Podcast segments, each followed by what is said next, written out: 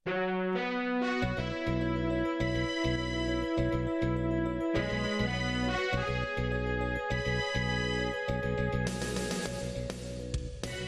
is Radio Free Asia. The following program is in Burmese.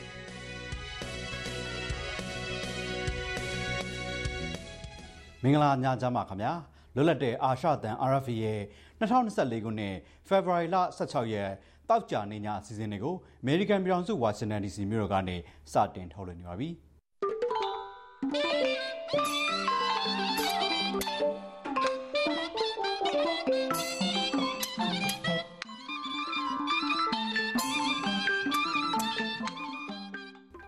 ကျွန်တော်ကရဲကောင်မြင်မောင်ပါ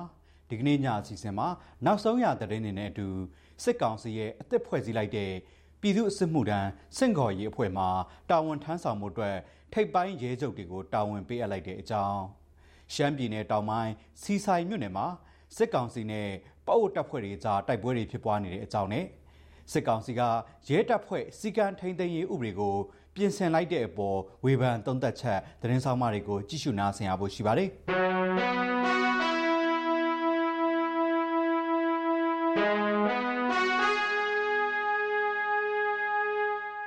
အခုညုံဆုံးသတင်းတွေကိုတင်ပြပါမယ်။ပြည်ပထွက်ခွာခွင့်နဲ့အလုတ်ခေါ်စာဒမန်းလက်တာတွေကိုရက်ဆိုင်ထားခြင်းမရှိဘဲ ပုံမှန်အတိုင်းခွင့်ပြုပေးထားတယ်လို့စစ်ကောင်စီအလုတ်သမားဝန်ကြီးဌာနရဲ့တာဝန်ရှိဝန်ထမ်းတို့က RFA ကိုဒီကနေ့မှပြောပါတယ်။ပြည်ပထွက်ခွာခွင့်နဲ့ပတ်သက်ပြီးတားဆီးပိတ်ပင်ထားတယ်ဆိုတာဟာကောလာဟာလသတင်းအမှားတွေသာဖြစ်ပြီးရန်ကုန်မန္တလေးနဲ့နေပြည်တော်ကအပြည်ပြည်ဆိုင်ရာလေဆိပ်တွေပါဝင်အိန္ဒိယနိုင်ငံတွေနဲ့နယ်စပ်ဝင်ထွက်ဂိတ်ပေါက်တွေကိုရခိုင်အတိုင်းခွင့်ပြုပေးထားတယ်လို့စစ်ကောင်စီလူဝင်မှုကြီးကြပ်ရေးနဲ့ပြည်သူ့အင်အားဝန်ကြီးဌာနကလည်းမနေ့ကထုတ်ပြန်ထားပါတယ်။ ထိုင်းနိုင်ငံတီးသန့်အလုတ်ကင်ရှာဖွေရေးအေဂျင်စီတစ်ခုမှလုတ်ကင်နေသူတို့ကတော့ပြည်ပကိုအလုတ်သမားဆေလွှတ်ဖို့အတွက်အလုတ်ခေါ်စာဒမန်းလက်တာအသစ်တင်နာကိုပြီးခဲ့တဲ့ဖေဖော်ဝါရီလ23ရက်မှာယာယီရက်ဆိုင်ထားခဲ့တာဖြစ်ပြီးဖေဖော်ဝါရီလ15ရက်မနေ့ကမှပုံမှန်တိုင်းပြန်ခွင့်ပြုပေးခဲ့တာလို့ RFA ကိုပြောပါတယ်လက်ရှိချိန်မှာအလုတ်ခေါ်စာဒမန်းလက်တာအသစ်တင်သူတွေမှာမြန်မာနိုင်ငံနဲ့အနီးဆုံးထိုင်းနိုင်ငံကိုရှောက်ထားသူတွေကအခြားနိုင်ငံတွေပိုပြီးများပြားတယ်လို့သူကပြောပါတယ် ရခိုင်ပြည်နယ်မြေပုံမြို့မှာရှိတဲ့စစ်ကောင်စီတပ်နဲ့ရဲစခန်းတွေအားလုံးကိုရခိုင်တပ်တော် A ကတင်ပိုက်လိုက်ပြီးထိန်းချုပ်ထားတဲ့မြို့ခုနှစ်မြို့အထိရှိသွားပြီလို့ရခိုင်တပ်တော် A ကဖေဖော်ဝါရီလ15ရက်မနေ့ကထုတ်ပြန်ပါတယ်။ပြီးခဲ့တဲ့နှစ်နိုဝင်ဘာလ23ရက်နေ့ကနေဒီကနေ့ထိတိုက်ပွဲကာလ3လအတွင်းရခိုင်ပြည်နယ်အတွင်းကပေါတော်မင်းပြားမြောက်ဦးကြောက်တော်တောင်မျိုးစတဲ့မြို့တွေနဲ့ချင်းပြည်နယ်ပလက်ဝမြို့စတဲ့မြို့ခုနှစ်မြို့ကို AA ကနေတင်ပိုက်ထားခဲ့တာပါ။ အလားတူပဲမောင်းတော်မြို့နီးကဘော်ဒီကုန်းနဲ့နူရှူလာနေကြားဆောင်စခန်းနှစ်ခုကိုဖေဖော်ဝါရီလ16ရက်ဒီကနေ့မှာ A ကနေတိုက်ခိုက်သိမ်းပိုက်လိုက်တဲ့အကြောင်းဒေသခံတွေက RFA ကိုပြောပြခဲ့ပါတယ်။ဘော်ဒီကုန်းနေကြားဆောင်စခန်းဟာမောင်းတော်မြို့နယ်3မိုင်လောက်သွားကွာဝေးပြီးစစ်ကောင်စီတပ်သားအင်အား100ကျော်ရှိသလိုနူရှူလာစခန်းကတော့တပ်သား30ကျော်လောက်ရှိနိုင်တယ်လို့လည်းသူကပြောပါတယ်။ ရခိုင်ပြည်နယ်မောင်းတော်မြို့နယ်မှာရခိုင်တပ်တော် AA ရဲ့ထိုးစစ်ဆင်တိုက်ခိုက်မှုတွေကြောင့်ဘင်္ဂလားဒေ့ရှ်နိုင်ငံဘက်ကိုထွက်ပြေးဝင်ရောက်သွားတဲ့စစ်ကောင်စီတပ်ဖွဲ့ဝင်နေသားဆောင်တပ်ရဲတပ်ဖွဲ့ဝင်တွေနဲ့မိသားစုဝင်စုစုပေါင်း300ကျော်ကိုဖေဖော်ဝါရီလ15ရက်မနေ့ကဘင်္ဂလားဒေ့ရှ်အာဏာပိုင်တွေကမြန်မာနိုင်ငံဘက်ကိုပြန်ပြီးလွှဲပြောင်းပေးလိုက်တယ်လို့ဘင်္ဂလားဒေ့ရှ်နိုင်ငံမှာခိုလုံနေတဲ့ရိုဟင်ဂျာဒုက္ခသည်တွေကပြောပါတယ်။သူတို့ကိုရေလန်းကျောင်းကနေတဆင့်လွှဲပြောင်းပေးလိုက်တာဖြစ်ပါတယ်။ အဲ့ဒီလိုလွှဲပြောင်းပေးအပ်ပွဲကိုမြန်မာဘက်ကစစ်ကောင်စီတပ်ဖွဲ့ဝင်9ဦးနဲ့ဘင်္ဂလားဒေ့ရှ်နိုင်ငံဆိုင်ရာမြန်မာတပ်မတ်ဦးအောင်ကျော်မိုးတို့တက်ရောက်ခဲ့ကြပြီးကောက်ဆက်ပစားခရိုင်နေသားဆောင်ရဲ BGB တပ်ဖွဲ့ကကြီးကြပ်ပြီးလွှဲအပ်ပေးခဲ့တာလို့အဲ့ဒီနိုင်ငံမှာခိုလုံနေတဲ့ရိုဟင်ဂျာဒုက္ခသည်တို့က RFA ကိုပြောပြခဲ့တာဖြစ်ပါတယ်။ပဲခူးတိုင်းဝေါ်မြို့နယ်မှာဖမ်းဆီးခံထားရတဲ့နိုင်ငံရေးအကျဉ်းသူဟောင်းမတ်နိုဘယ်အေးနဲ့ ကိုအောင်ကိုဟိန်းတို့တို့ကိုဖေဖော်ဝါရီလ10ရက်နေ့ကဝေါ်မြို့နယ်တရားရုံးကနေရုံးထုတ်ပြီးအပြန်မှာထွက်ပြေးခဲ့တယ်ဆိုတဲ့အကြောင်းပြချက်နဲ့စစ်ကောင်စီတပ်သားတွေကပြစ်တက်လိုက်တယ်လို့ဝေါ်မြို့နယ်ပြည်သူ့ကာကွယ်ရေးအဖွဲ့က RFA ကိုဒီကနေ့မှပြောပါရယ် သူတို့နှစ်ဦးကိုအမှတ်901အမြောက်တပ်စခန်းကုကဲမှုဌာနချုပ်မှာစစ်ကြောရေးလုပ်နေကြတာဖြစ်ပြီးဝဝေါမြို့နယ်တရားရုံးမှာပထမဆုံးကြိမ်ရုံးထုတ်ပြီးအပြန်လမ်းခုလက်မှာပြစ်တက်ခံလိုက်ရတာလို့ဝေါမြို့နယ်ပြည်သူ့ကာကွယ်ရေးအဖွဲ့တာဝန်ရှိသူတို့က RFA ကိုပြောပါတယ်အခုလိုမတ်နိုဝယ်အေးတပ်ဖြတ်ခံရတဲ့နဲ့ပတ်သက်လို့အာဏာပိုင်တွေဘက်က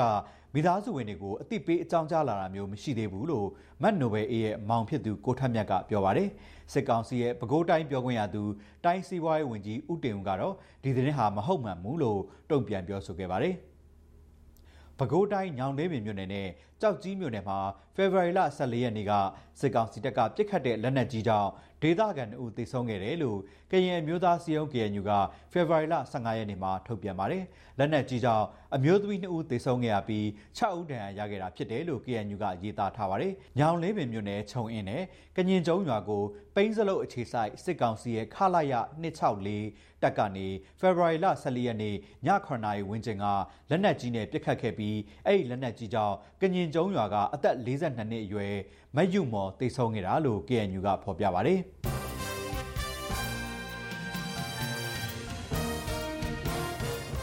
သတင်းတွေကိုတင်ပြခဲ့တာပါ RFA ကနေအစီအစဉ်တွေကိုဆက်လက်ထုတ်လွှင့်နေပါတယ်ခင်ဗျာခုဆက်လက်ပြီးသတင်းဆောင်မတွေကိုထုတ်လွှင့်ပါမယ်ရှမ်းပြည်နယ်တောင်ပိုင်းစီဆိုင်မြို့နယ်ထဲမှာ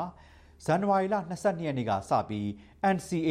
လက်မှတ်ရေးထိုးထားတဲ့ပအုပ်အမျိုးသားလွတ်မြောက်ရေးတမတော် PNL မဟာမိတ်ပူးပေါင်းအဖွဲ့တွေနဲ့စစ်ကောင်စီတပ်နဲ့သူ့ရဲ့လက်အောက်ခံပအို့ပြည်သူစစ်အဖွဲ့ PNA ပူးပေါင်းအဖွဲ့တွေတိုက်ပွဲတွေဖြစ်ပွားနေတာရပ်ပေါင်း20ကျော်ရှိလာနေပါပြီ။စီဆိုင်မြို့ကိုပြန်လည်ထိန်းချုပ်နိုင်မှုစစ်ကောင်စီဘက်ကစ조사နေတယ်လို့ပဲ PNL ဘက်ကလည်းအပြင်းထန်ခုခံနေတာကြောင့်တိုက်ပွဲတွေနေ့စဉ်ဖြစ်ပွားနေပြီးဒေသခံတသိန်းကျော်လောက် ထွက်ပြေးနေကြရပါတယ်။ဒီအကြောင်းကို RFA သတင်းတောက်မတ်ရင်မျိုးသူကတင်ပြပါလိမ့်မယ်။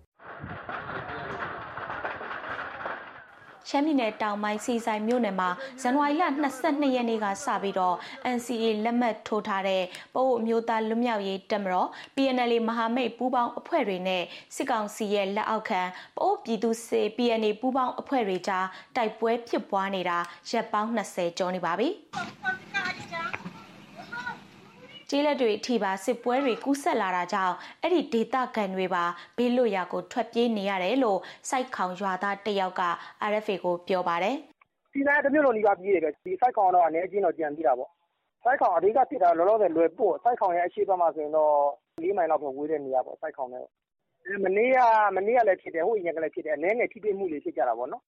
စီဆိုင်မြို့နယ်မှာလူဦးရေ3,600ကျော်နေထိုင်ပါတယ်။မိုးပြဲဖဲခုံပင်လောင်းနယ်ကရားပြည်နယ်ကနေလာရောက်တဲ့စစ်ဘေးဒုက္ခသည်3000လောက်လဲအရင်ကတည်းကမြို့ပေါ်မှာခိုလုံနေကြတာပါ။အခုတော့မြို့ပေါ်ကလူဦးရေအလုံးနီးပါးအပါဝင်လူဦးရေ3,000ကျော်ထွက်ပြေးနေကြရပါတယ်။အများစုကဟိုပုံးညောင်ရွှေပင်လောင်းရက်ဆောက်ဘက်တွေကိုထွက်ပြေးနေကြပါတယ်။ တောင်ကြီးမြို့နယ်ကြောက်တလုံးကြီးရွာကမွေတော်ကက်ကူဖျားမှာလဲဒုက္ခသည်4000ကျော်ရှိတယ်လို့ဒေသခံတွေက RFA ကိုပြောပါတယ်။တက်ကြီးရွယ်အိုတွေနဲ့ကိုဝင်ဆောင်မိခွင်တွေပိုးပြီးဒုက္ခရောက်ရတယ်လို့ကိုယ်တိုင်စစ်ဆောင်ရင်ဒုက္ခသည်တွေကိုကူညီပေးနေတဲ့အမည်မဖော်လို့တဲ့စီဆိုင်မြို့ခံက RFA ကိုပြောပါတယ်။ခဏပဲဆိုပြီးတော့ရှောင်ကြတာပါ။ဟိုလူဆုံးမရက်တဲ့ပေါ့ကျွန်တော်လည်းအဲ့လိုပဲမှန်းတယ်လေ။ဒါပေမဲ့ ခုဆိုဆယ်ရက်ကျော်သွားပြီပေါ့လေ ပစ္စည်းတွေလည်း အကုန်အဖောက်ခံခုခံရတာရှိတယ် အိမ်ကြီးပါသွားတာရှိတယ် လက်လက်ကြီးထိတော့ဆင်တော့ပြတ်တာလည်း ရှိတယ် အများရှိတော့ကျို့ဆိုရင်တော့ အထူးသဖြင့်ပေါ့တကြီးလူငယ် ကိုဆောင်မျိုးသမီးတို့တက်ကြီးတို့ပို့ပြီးတော့ ဒုက္ခရောက်တော့တယ်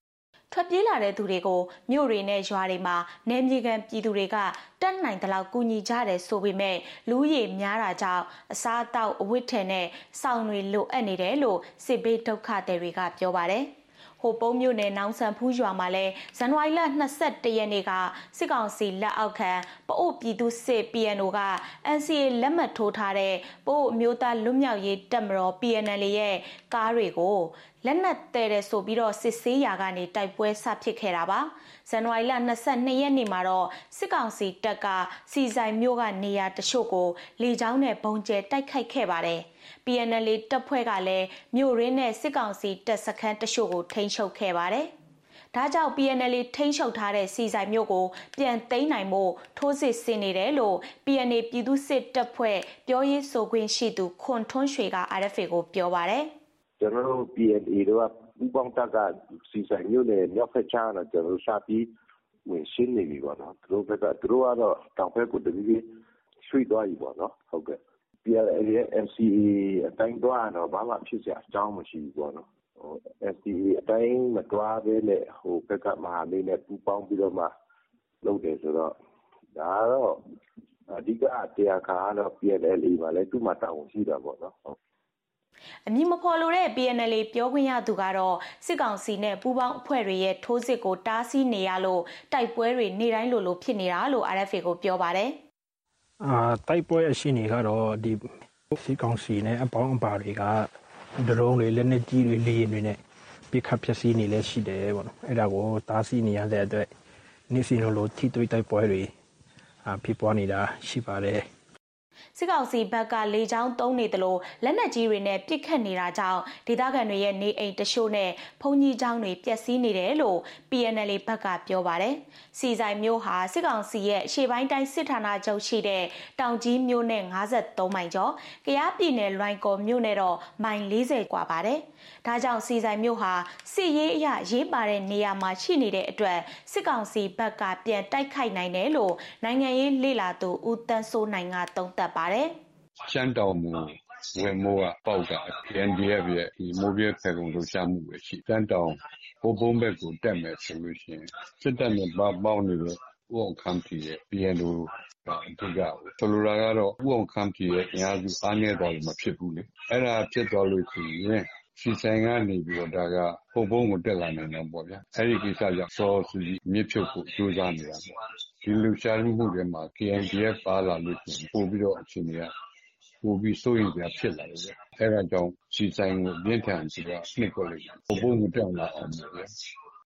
စီဆိုင်မြို့နယ်အတွင်းကတိုက်ပွဲအခြေအနေနဲ့ပတ်သက်ပြီးတော့စစ်ကောင်စီရဲ့ပြောခွင့်ရဗိုလ်ချုပ်စော်မင်းထွန်းကို RFA ကတယ်လီဖုန်းနဲ့ဆက်သွယ်ခဲ့ပေမဲ့လက်ခံဖြေဆိုတာမရှိပါဘူး။ RFA ကပြုစုထားတဲ့စီးရင်တွေအရတိုက်ပွဲစဖြစ်တဲ့ဇန်နဝါရီလ22ရက်ကနေဖေဖော်ဝါရီလ9ရက်နေ့ထိနှစ်ပတ်ကျော်အတွင်းစီဆိုင်မြို့နယ်မှာလေကြောင်းနဲ့လက်နက်ကြီးကြောင့်အမျိုးသမီး1ယောက်နဲ့အမျိုးသား2ယောက်သေဆုံးခဲ့ပါတယ်။စစ်ကောင်စီတပ်ကဖမ်းဆီးစစ်ဆေးခံရလို့အမျိုးသားတစ်ယောက်သေဆုံးခဲ့ရတဲ့အတွက်သေဆုံးတဲ့သူ၄ဦးအထိရှိနေပါတယ်ရှင်။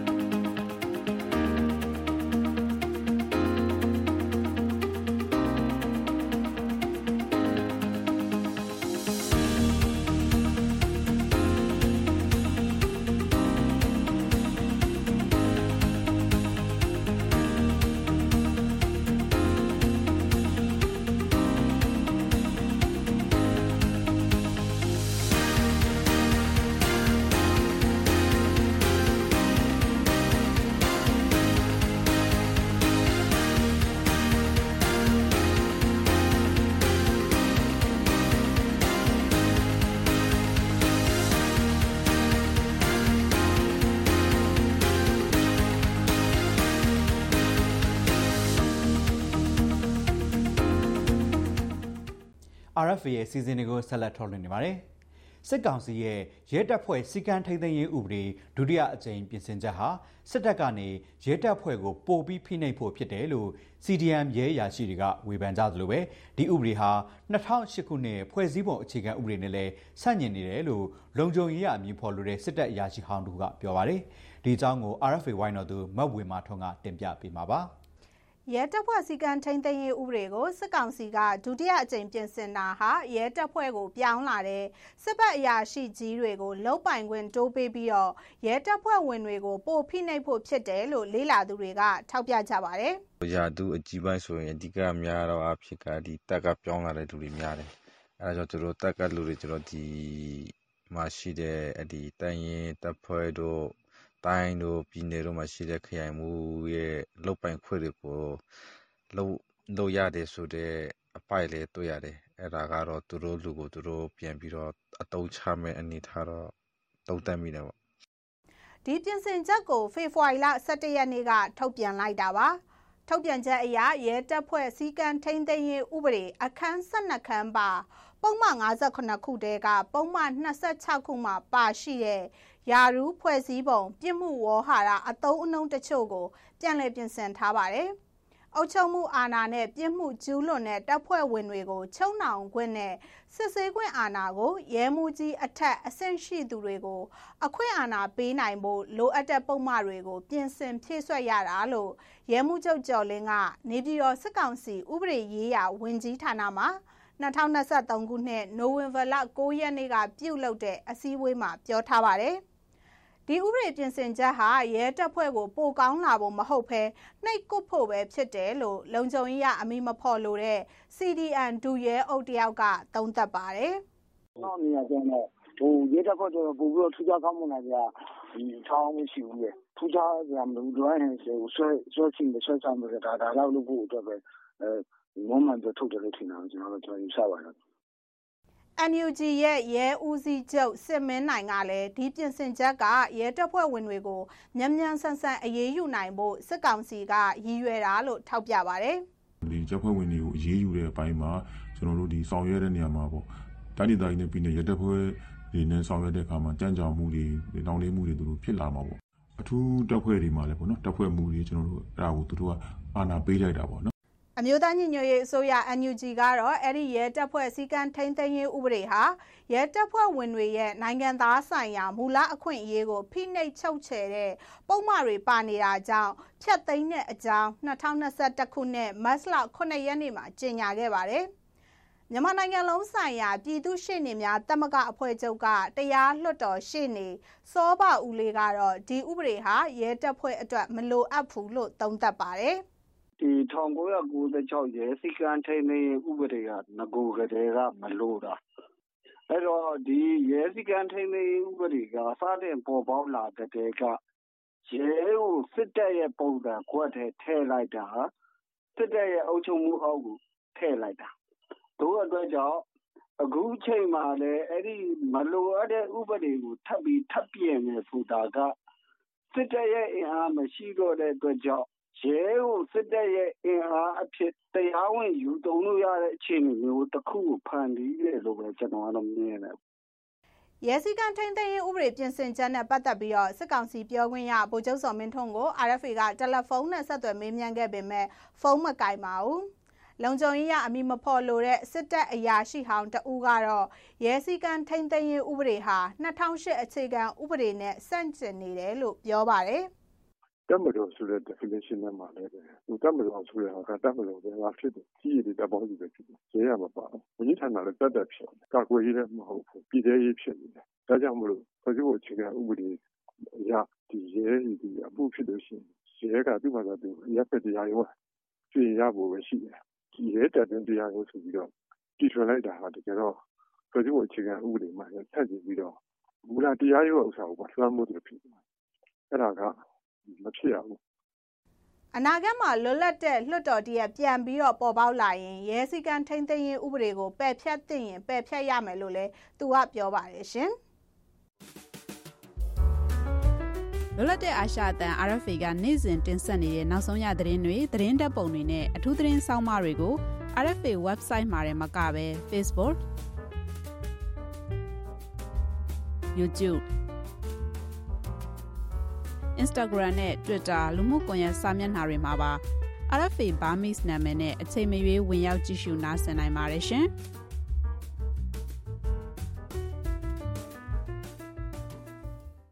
RFA ရဲ့စီစဉ်တွေကိုဆက်လက်ထုတ်လွှင့်နေပါတယ်ခင်ဗျာစစ်ကောင်စီကရဲမှုကြီး12ဦးနဲ့ရဲမှုချုပ်3ဦးကိုနေပြည်တော်ကောင်စီနဲ့တိုင်းနယ်ပြည်နယ်14ခုရဲ့လမ်းမန်းဆက်သွယ်ရေးဝန်ကြီးတာဝန်တွေကနေအနားပေးလိုက်ပြီးသက်ဆိုင်ရာတိုင်းနယ်ပြည်နယ်တွေမှာ တိုင်းနယ်ပြည်နယ်အဆင့်ပြည်သူ့စစ်မှုထမ်းဆင့်ခေါ်ရေးအဖွဲ့ဝင်တွေအဖြစ်ယာဒူးခန့်အပ်လိုက်ပါတယ်။ဒီအကြောင်းသတင်းအပြည့်စုံကိုမတ်ထထအိန္ဒြာအောင်ကဆက်ပြီးတင်ပြပေးပါမယ်။စစ်ကောင်စီဟာနေပြည်တော်ကောင်စီဝင်နဲ့တိုင်းနယ်ပြည်နယ်14ခုကလမ်းပန်းဆက်သွယ်ရေးဝန်ကြီးတာဝန်ပူးရဲယူထားတဲ့ရဲအရာရှိကြီးတွေကိုဖေဖော်ဝါရီလ10ရက်နေ့ကအရက်သားတွေနဲ့အစားထိုးလိုက်ပါတယ်။ သူတို့ဟာအရင်ကတည်းကတိုင်းနယ်ပြည်နယ်ရဲတပ်ဖွဲ့မှုတွေဖြစ်ပြီးတော့သူတို့ကိုဖေဖော်ဝါရီလ14ရက်နေ့မှာတိုင်းနယ်ပြည်နယ်ပြည်သူ့စစ်မှုထမ်းစစ်ခေါ်ရေးအဖွဲ့ဝင်တွေအဖြစ်တာဝန်ပေးလိုက်တာပါရဲမှုကြီးကိုကိုလွေကိုနေပြည်တော်ကောင်စီဝင်အဖြစ်ကနေအနာပေးလိုက်ပြီးနောက်ထပ်ရဲမှုကြီး17ဦးနဲ့ရဲမှုချုပ်3ဦးကတော့တိုင်းနယ်ပြည်နယ်လမ်းမဆက်သွယ်ရေးဝန်ကြီးတွေအဖြစ်ကနေအနာပေးလိုက်တာပါသူတို့အားလုံးနေပြည်တော်အပါအဝင်တိုင်းနယ်ပြည်နယ်အသီးသီးကရဲတပ်ဖွဲ့မှုတွေဖြစ်ပါတယ် အယက်သားတာဝန်တွေပါပူးထွဲတာဝန်ယူထားရင်မူလတာဝန်တွေလိဟင်းမှာကိုစိုးရိမ်တာကြောင့်မူလရဲတပ်ဖွဲ့တာဝန်ကိုပဲပြန်လည်ပေးအပ်လိုက်တာလို့ကရင်ပြည်နယ်စစ်ကောင်စီပြောခွင့်ရသူစီးပွားရေးရာဝန်ကြီးဦးစောခင်မောင်မြင့်ကပြောပါတယ်ရဲတပ်ဖွဲ့တာဝန်ပဲပြန်ပြီးတော့ပေးတာပါမူလတာဝန်တစ်ဖက်နောက်ပြီးတော့ဝန်ကြီးတာဝန်တစ်ဖက်ဆိုတော့လေအဲအဲကြောင့်မို့ကနာမနိုင်မင်းပြမှာဆိုလို့ဝန်ကြီးတာဝန်ကိုတို့ကရက်ဆွဲပြီးတော့မှအစားတိုးလိုက်တယ်နဲ့ရဲမှုကြီးကတော့မူလသူတို့ဌာနတာဝန်ကိုပဲထမ်းဆောင်မှာဖြစ်ပါတယ် စစ်မှုထမ်းစင်ခေါ်ရေးကိစ္စတွေကို2024ခုနှစ်ဧပြီလကုန်ပိုင်းမှာစတင်ဖို့ရှိနေပြီးတော့တတုတ်ကိုလူ9000နှုန်းနဲ့တစ်နှစ်အတွင်းလူ9000ကျော်6000နီးပါးခေါ်ယူသွားမယ်လို့စစ်ကောင်စီပြောခွင့်ရသူဗိုလ်ချုပ်စော်မင်းထွန်းကဖေဖော်ဝါရီလ14ရက်နေ့ကထုတ်ပြောထားပါတယ်။ရဲမှုကြီးတွေကိုအခုလိုအပြောင်းလဲလုပ်တာဟာပြည်သူစစ်မှုထမ်းဥပဒေကိုဖိဖိစီစီအကောင့်ထဲပေါ်ဖို့ဖြစ်တယ်လို့အကြမ်းမဖက်အာဏာဖီဆန်ရေးလှုပ်ရှားမှု CDM မှာပါဝင်နေတဲ့ရဲအရာရှိတအူးကပြောပါတယ်။ ခုကစစ်မှုထမ်းဥပဒေနဲ့ထွက်လာတော့အဲ့ဒီဥပဒေကို PPCC အကောင့်ထဲပေါ်ဖို့အတွက်ရဲမိုးကြီးတွေကိုသူတို့ရဲ့မူလတောင်းကိုပြန်လည်ထမ်းဆောင်အောင်စီစဉ်တာဖြစ်တယ်လို့ဒီမိုကရေစီတက်ကြွစွာလှုပ်ရှားသူတွေရဲ့ဟိုပိုးပြီးဖိနှိပ်ဖို့လို့ယူဆမိပါတယ်ခင်ဗျာစစ်တပ်ကအာဏာသိမ်းပြီးတဲ့နောက်6လအကြာ2021ခုနှစ်ဩဂုတ်လ1ရက်နေ့မှာပဲရဲမှုကြီးတွေနဲ့ရဲမှုချုပ်တွေကိုတိုင်းနယ်ပြည်နယ်လမ်းမဆက်သွယ်ရေးဝန်ကြီးတွေအဖြစ်ခန့်အပ်ခဲ့တာပါ အဲ့ဒီအချိန်တုန်းကတော့လူငယ်တွေဟာစစ်ကောင်စီကိုလက်နက်ကင်ဆန့်ကျင်ဖို့တိုင်းရင်းသားလက်နက်ကင်တွေထိန်းချုပ်ထားတဲ့နေဆက်ဒေသတွေစီထွက်ခွာနေခြင်းဖြစ်ပါတယ်။နိုင်ငံအနှံ့မှာစစ်ရေးပြိပခါတွေပြင်းထန်လာပြီးတော့စစ်ကောင်စီရဲ့တပ်စခန်းတွေနဲ့ထိန်းချုပ်နယ်မြေတွေကိုတိုင်းရင်းသားလက်နက်ကင်တွေနဲ့ပြည်သူ့ကာကွယ်ရေးတပ် PDF တွေကတိုက်ခိုက်သိမ်းယူမှုများလာခြင်းရှီရန်စစ်မြေပြင်မှာရဲတပ်ဖွဲ့နဲ့စစ်သားအများအပြားတေဆုံဖမ်းဆီးထွက်ပြေးမှုပိုများလာခြင်းမှာစစ်ကောင်စီကပြည်သူစစ်မှုထမ်းဥပဒေကိုအသက်သွင်းလာတာပါ အဲဒီနောက်တိုင်းနယ်ပြည်နယ်ရဲတပ်ဖွဲ့မှုတွေကိုပြည်သူစစ်မှုထမ်းဥပဒေအကောင့်ထဲပေါ်ရေးမှာအသုံးချလာတာဖြစ်ပါတယ်နိုင်ငံရေးလိလာသုံးသက်သူဦးတန်းစိုးနိုင်ကတော့ရဲတပ်ဖွဲ့မှုတွေဟာဒီဥပဒေအကောင့်ထဲပေါ်ရေးမှာပို့ပြီးအသုံးဝင်လာနိုင်တယ်လို့သုံးသပ်ပါတယ်။စစ်မှုထမ်းဥပဒေကြီးကလူငယ်အများစုကရှောင်လဲလို့မရတော့ ဆိုလို့ရှိရင်တန်းလာစနကံခွဲကြည့်ရမှုရဲ့အနေနဲ့ဒီကြောင့်ဝင်ရောက်ကြတော့ဒီထားရှိတော့အဲ့တော့ အဲ့ဒီအနေထားကို တာချိကောက်တယ်လို့ဆိုလို့ရှိရင် ရဲရရှိရဲ့ အခန်းက ပို့ပြီးတော့ လိုအပ်လာတယ်အဲ့ဒါကြောင့်ခုရေးရရှိပြီးချင်းမှုခံမှုတွေဆောင်ရှားမဲ့လားလာနဲ့ ပတ်သက်ပြီးတော့ပုံပြီးတော့ဒီကြီးကြကြထိန်းချုပ်နေအောင်ရတဲ့ဖွဲ့အရာရှိတွေကိုကြောင်းလဲတုံးချဖို့ ကြိုးစားတာနဲ့ တူပါတယ်။ဒါကြောင့်လည်းရတဲ့ဖွဲ့အရာရှိတွေကို စစ်မှုထမ်းဆောင်တဲ့ဖွဲ့ရဲ့ဂျာလူတောင်းမှုတွေကိုထည့်သွင်းပေးတာလို့ကျွန်တော်ကတော့ယူဆပါတယ်အမျိုးသားညီညွတ်ရေးအစိုးရ NUG အနေနဲ့စစ်ကောင်စီရဲ့ပြည်သူ့စစ်မှုထမ်းဥပဒေအကောင့်ထဲပေါ်ရေးမှာလက်တွေ့ပါဝင်သူတွေကိုအရေးယူသွားမယ်လို့ NUG သမရယုံပြောခွင့်ရသူဦးကျော်စောကပြောပါတယ်စစ်မှုထမ်း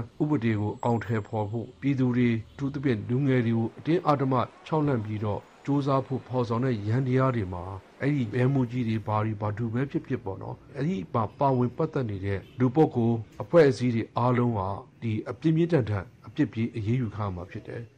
နိုင်ငံတော်ဝန်စစ်ရှုံးနေတဲ့စစ်တပ်ဟာကိုရိုးစည်းပွားနဲ့အာဏာဆက်လက်တည်မြဲရေးအတွက်ရှေ့တန်းစစ်မြေပြင်မှာပြည်သူတွေကိုလူသားတိုင်းဖြစ်အသုံးပြုဖို့အတွက်ပြည်သူစစ်မှုထမ်းဥပဒေကိုအသက်သွင်းလာတာလို့အမျိုးသားညီညွတ်ရေးအစိုးရ NUG ကဖေဖော်ဝါရီလ23ရက်နေ့ကထုတ်ပြန်ထားပါတယ်။ ဒီဥပဒေကိုအကောင့်ထဲပေါ်ရေးအထောက်အကူပြုတဲ့လူပုဂ္ဂိုလ်နဲ့အဖွဲ့အစည်းအစစ်အစင်ကိုဆရာဆွေမှုကျူးလွန်သူတွေအဖြစ်သတ်မှတ်အရေးယူသွားမယ်လို့လည်းအဲ့ဒီထုတ်ပြန်ချက်မှာဖော်ပြထားပါတယ်ရှင်။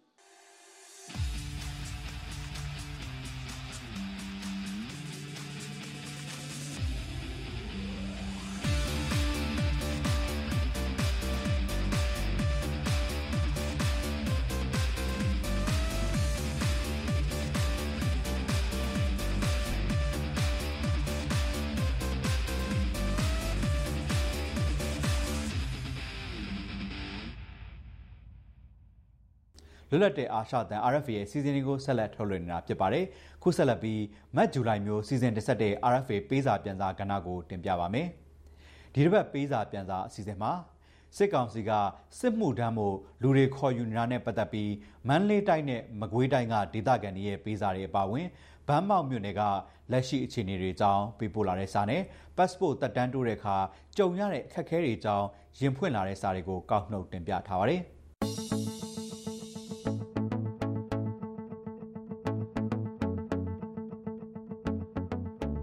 င်္ဂလာပါ RFA ပေးစာပြန်စာအစီအစဉ်ကနေကြိုဆိုပါရရှင်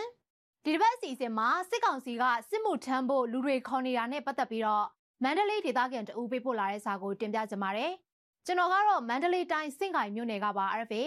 စင့်ကိုင်မြို့ရဲ့အရှိတ်ဘက်မှာတောင်ကြီးခွေကျေးရွာအုပ်စုနဲ့မိသွေးပုတ်ကျေးရွာအုပ်စုဆိုတာရှိပါတယ်။အဲ့ဒီကျေးရွာအုပ်စုနှစ်အုပ်စုကိုစစ်ကောင်စီကအတင်းအဓမ္မလူသစ်စုပြီးတော့ငွေတောင်းနေပါတယ်တဲ့ အင်ဂျီ100အောက်ရှိတဲ့ရွာဆိုရင်လူ2ယောက်နဲ့တအိမ်ကိုငွေကျပ်9000အင်ဂျီ200ကျော်ရှိတဲ့ရွာဆိုရင်တော့လူ3ယောက်နဲ့တအိမ်ကိုကျပ်ငွေ9000တောင်းခံနေပါတယ်အလောက်အကင်အခွင့်အလန်းနှဲပါတဲ့အခုလိုခေတ်ကြီးမှာသူတို့တောင်းတဲ့ငွေကိုကိုစားမဲ့အထက်ကချွေတာစားပြီးတော့ပေးလို့ရပေမဲ့လည်းလူတွေကတော့မလိုက်ချင်ကြပါဘူးဆိုပြီးတော့ပေးဖို့ရင်ဖွင့်လာတာပါရှင်တစ်ဆက်တည်းမှာပဲမကွေးဘက်မှာလည်းစစ်မှုထမ်းဖို့လူတွေတောင်းနေလို့ပါဆိုပြီးတော့ဒေသခံတအုပ်ကပေးပို့လာပါတယ် မကွေးတိုင်းတောင်တွင်းကြီးမြို့နယ်ပရက်ကျဲအုပ်စုကကျေးရွာတွေမှာစစ်မှုထမ်းဖို့ဆိုပြီးတော့စစ်ကောင်စီကတရွာကိုလူ20တောင်းပါတယ်တဲ့လိုက်မဲ့သူမရှိတာကြောင့်ကျေးရွာအုပ်ချုပ်ရေးမှုတွေကမဲစနစ်နဲ့မဲနိုင်ရပါတယ်မဲပေါက်သူတွေမလိုက်ချင်ရင်ငွေကျပ်25သိန်းပေးရမယ်လို့လည်းပြောပါတယ်မဲမပေါက်တဲ့အိမ်ထောင်စုက2000ပေးရမယ်လက်လုံလက်စားစင်းရဲသားအိမ်ထောင်စုက1000ပေးရမယ်လို့ပြောပါတယ်ဒါတွေကအဆင့်ဆင့်လဝါချင်းရိုက်ပြီးတော့လှုပ်ရှားနေကြတာလားဗျာဆိုပြီးတော့ပြဖို့ရင်ဖွင့်လာတာပါရှင်။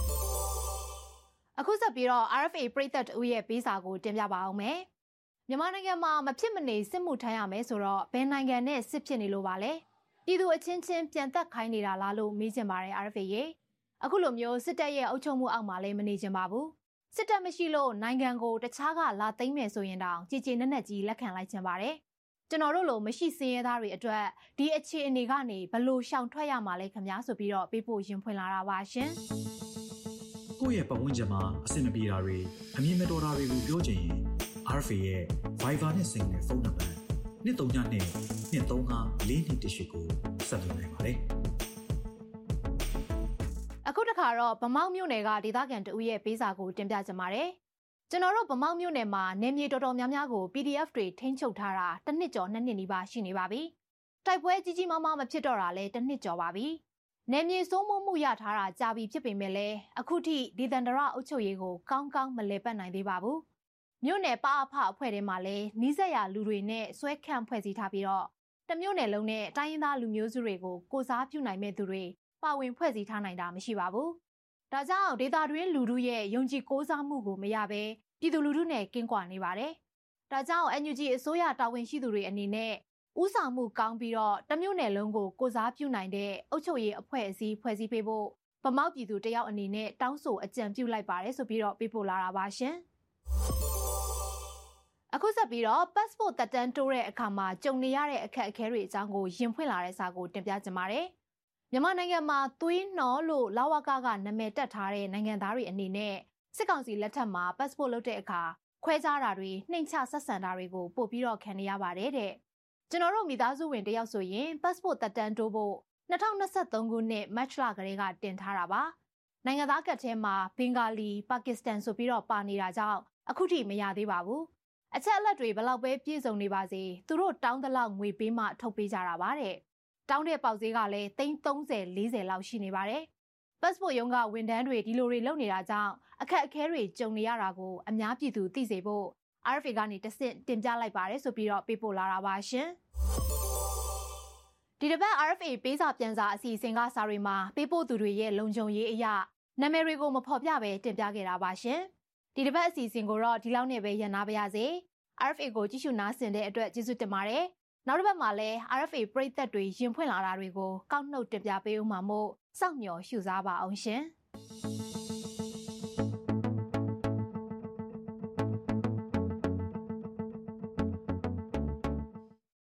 ဒီစီစဉ်နဲ့ပဲတောက်ကြနေညချမ်း RFA ရဲ့အတန်ရင်းချက်တွေကိုရန်နာခွင့်ပြုပါဒီကနေ့ညစီစဉ်ကိုတာဝန်ခံအိတာဦးတယောင်ခိုင်ထုတ်လုပ်ရေးမှုကိုချေရင်းနဲ့အတူ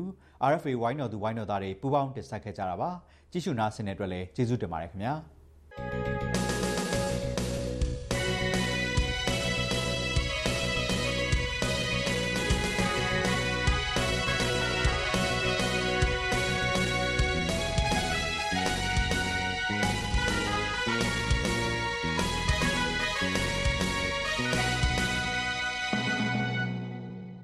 have been listening to Radio Free Asia. Radio Free Asia.